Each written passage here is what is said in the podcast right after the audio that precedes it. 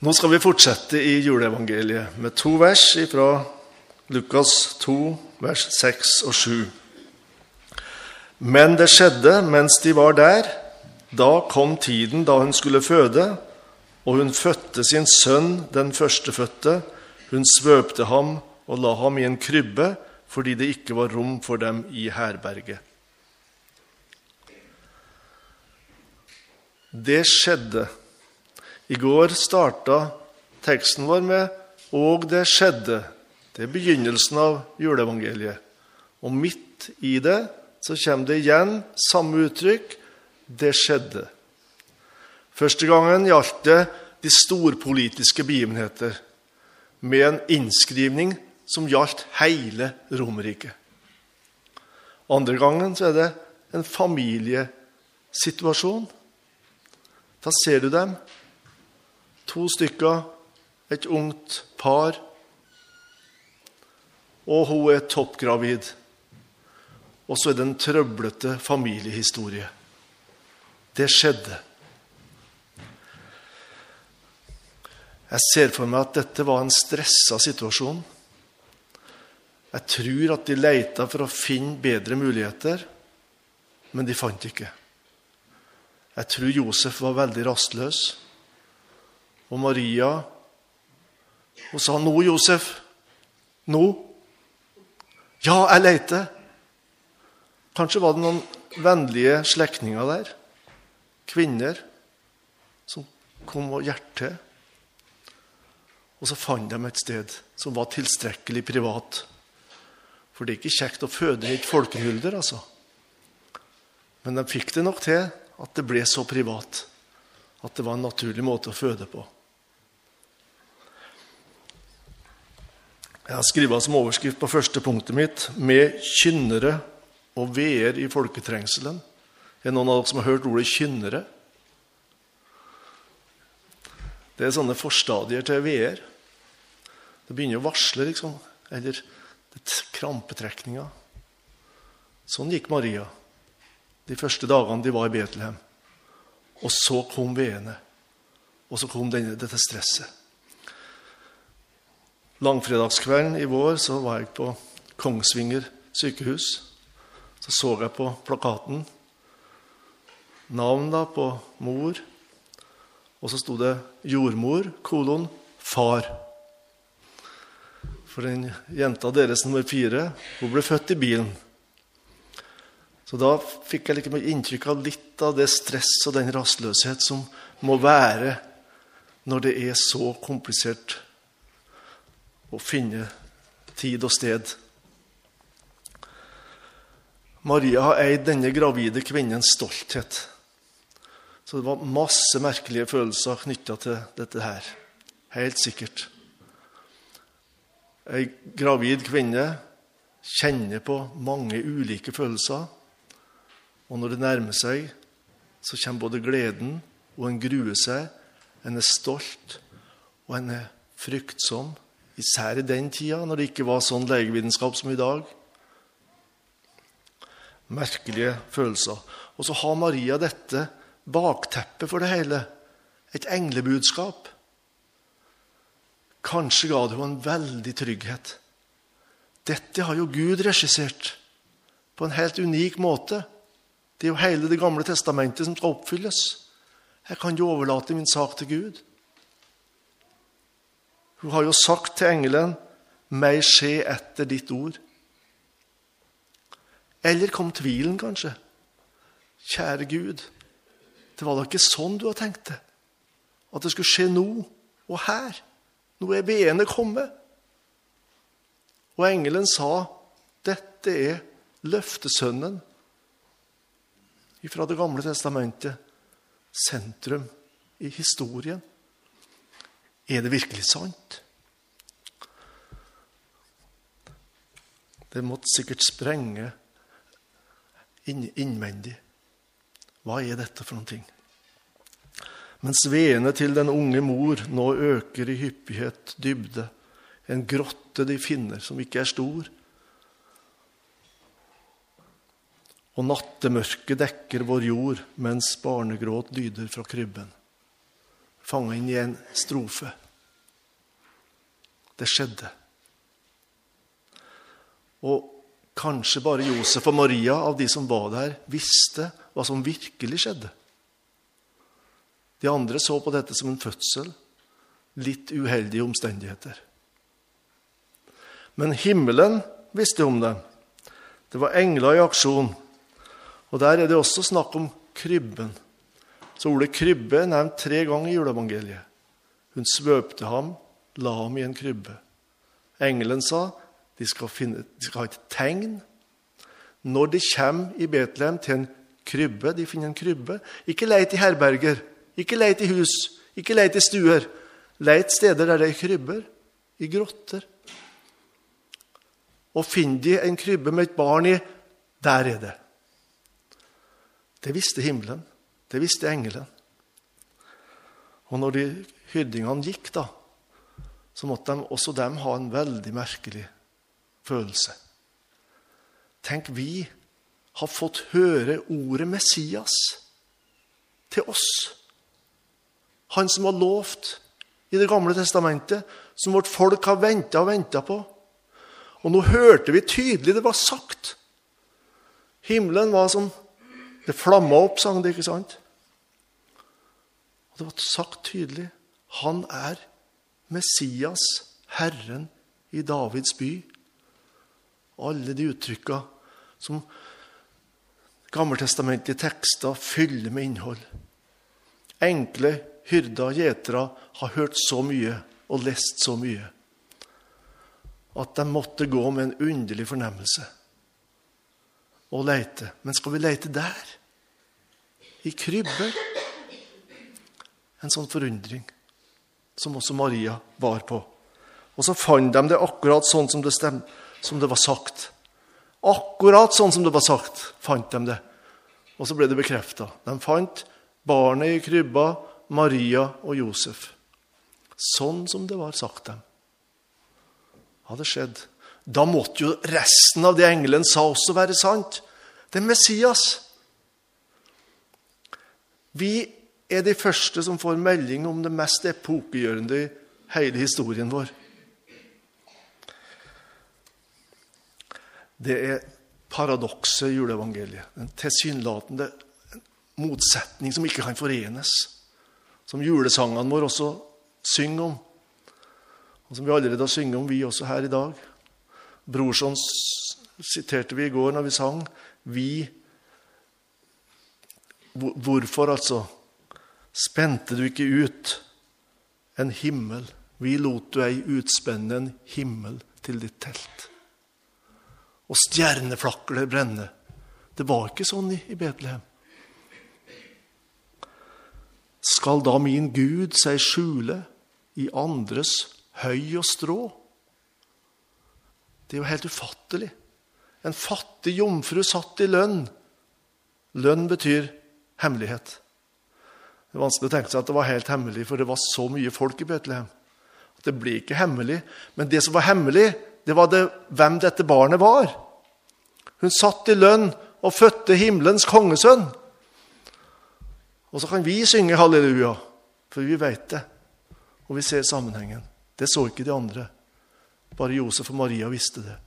Og disse gjeterne.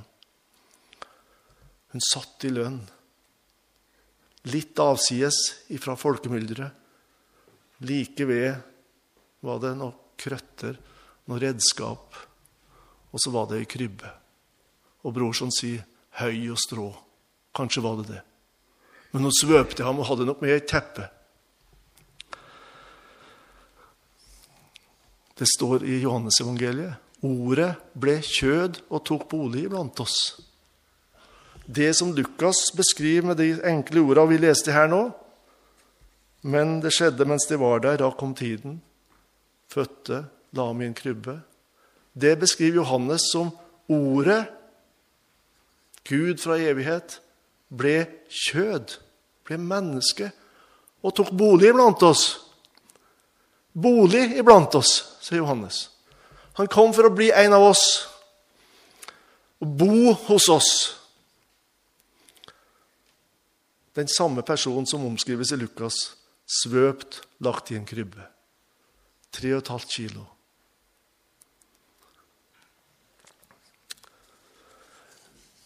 Var det uvilje i Betlehem? Av og til på juleandakter har hørt sagt at det var dårlig behandling, liksom. Jeg er ikke sikker på det. Kanskje noen av dem gjorde sitt beste. Kanskje var det ei eldre kvinne som hjalp Maria ved fødselen. Men det står at det var Maria som svøpte barnet og la det i krybba. Jeg tror ikke det var bevisst uvilje. De visste jo ikke hvem dette barnet var. Det bare var sånn i folketrengselen ved innskrivningen. Men uviljen kom. Så det utsagnet 'det var ikke plass for dem i herberget', det fikk sin virkelige realitet og sannhet etter hvert. Når Jesus trådte fram 30 år seinere, da begynte uviljen. Da begynte dette å skje. Først store flokker som hørte, og så det var ikke rom for ham.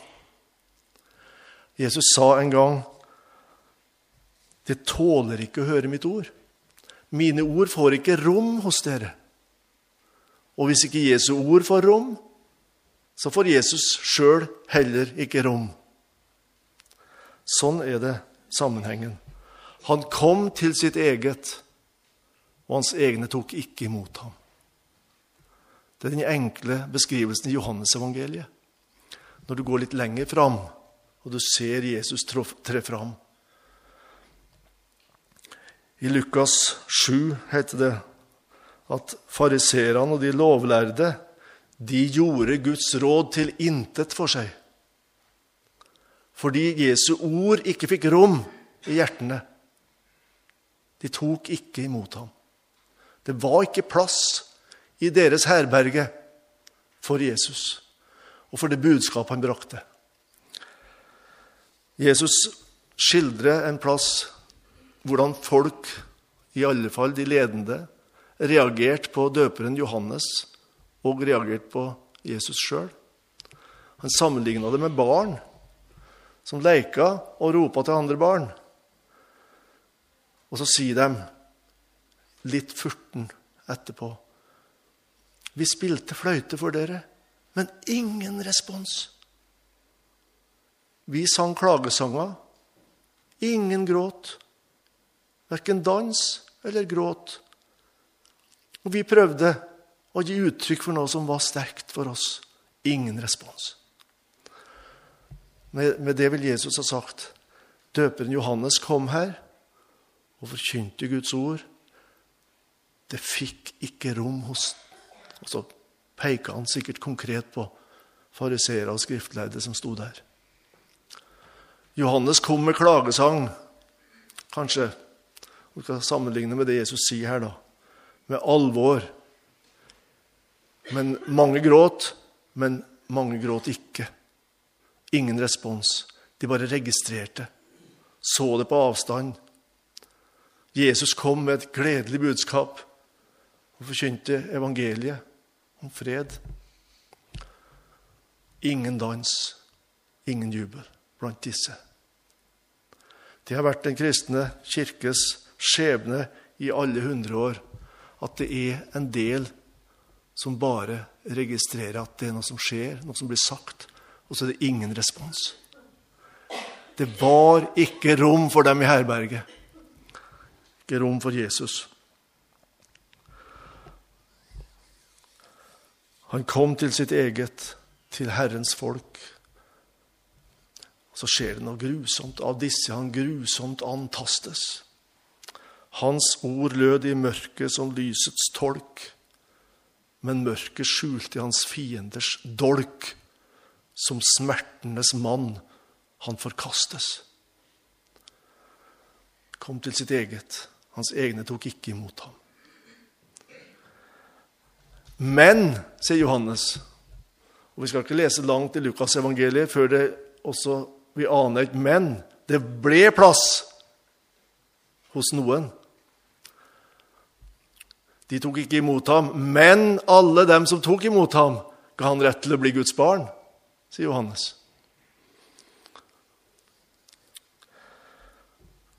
Store ting, altså. Der Jesus fikk plass. Der fikk de en rettighet. Den fulgte med Jesus, og den rettigheten er å kalles Guds barn. Det var noen gjetere her i teksten. De møtte Jesusbarnet, tilba det, og med denne, dette forholdet til Jesus kom rettigheten til å kalles Guds barn.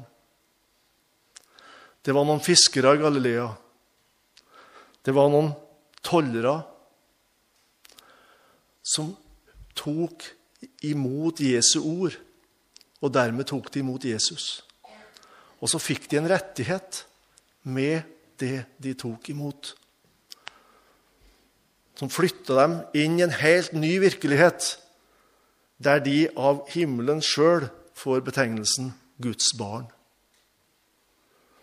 Enkle mennesker, vanlige folk.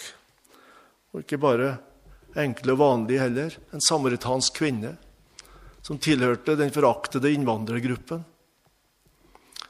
Det var innvandrere i n-te generasjon, dette der, i Samaria. Og det var spenningsforhold og forakt. Ikke tale om å gifte seg over grensene der, altså. Han er jo en samaritan, sa de om Jesus en gang de ville vise forakt. Ha, han er jo en samaritan. Han er jo besatt. Ja. Ei sånn kvinne ga Jesus rom. Og noen dårlige kvinner som er omtalt. Eller kanskje vi tar feil av dette der. Var de overgrepsoffer? De var like mye det som dårlige kvinner, en del av disse som vi leser om i evangeliet. Du har hatt fem menn, og den du nå har, er ikke din. Bruk og kast, som kvinner har opplevd gjennom historien. Men når Jesus kom nær, så var det rom der for han. De ga Jesus rom. Og noen Nikodemuser. Det er ikke sånn at det ikke var noen av de høytstående som tok imot Jesus. Det var noen av dem også. I Apostelens gjerninger står det at det var noen fariseere som tok imot. Og Nikodemus tok sannsynligvis imot Jesus og ga han rom. Det fantes noen sånne også. På ulike måter så sa de til Jesus, 'Jeg lukker deg inn i mitt hjerte og sinn, og frelser min, med all din nåde og gave.' Og Hvis de har vært her, vi kunne stilt dem opp her på tur og orden, og så spurt hvilken sang vil de synge på julemessa, så ville de kanskje ha pratet sammen. Og så leita i sangboka, og så hadde de sagt 'Rom for Jesus, ærens konge'. Det vil vi synge. Og lukk opp og slipp ham inn. Salighet han med seg bringer, all hans herlighet blir din. Det har vi opplevd, vil han ha sagt. Når vi kom så tett på, og vi slapp Jesus inn, da fikk vi denne rettigheten, og med den barnekår og salighet og evig liv. Rom for Jesus, ærens konge. Men så var det noen som aldri fikk vite dette her. Og noen som aldri møtte det. Noe av det som er tristest eller griper meg sterkest, gjennom misjonærer forteller om folk som de har møtt, som har blitt kristne, og som sier 'Hvorfor kom de ikke før?' Søsknene mine døde i krigen. De visste ingenting om dette her. Mor og far, de er døde nå. Bestemor sto ved gudealteret og var prega av frykt hele livet. Hørte aldri et ord om Jesus. For Jesus ble ikke brakt dit av noen. Mange i historien og i verden som lever i sånne områder. Ingen kom. Hvorfor kom de ikke før? Den, den tonen må også ligge her under en julemesse. Nå er det på tide at vi kommer også til nye områder. Og så skal du tenke på deg sjøl også når du møter Jesus i evangeliet, juleevangeliet. Og så skal du gi han rom. Du skal be ei bønn av Fanny Crosby, veldig enkel bønn, til slutt. Kom inn, kom inn, du frelser min, kom inn og bo hos meg. Jeg vil fra nå av være din, kom inn og bo hos meg. Hit ned til meg du fant din vei, kom inn og bo hos meg. Jeg åpner hjertets dør for deg, kom inn og bo hos meg. Du gir meg nåde, alt er vel, kom inn og bo hos meg. Du bringer hvile til min sjel, kom inn og bo hos meg. Amen.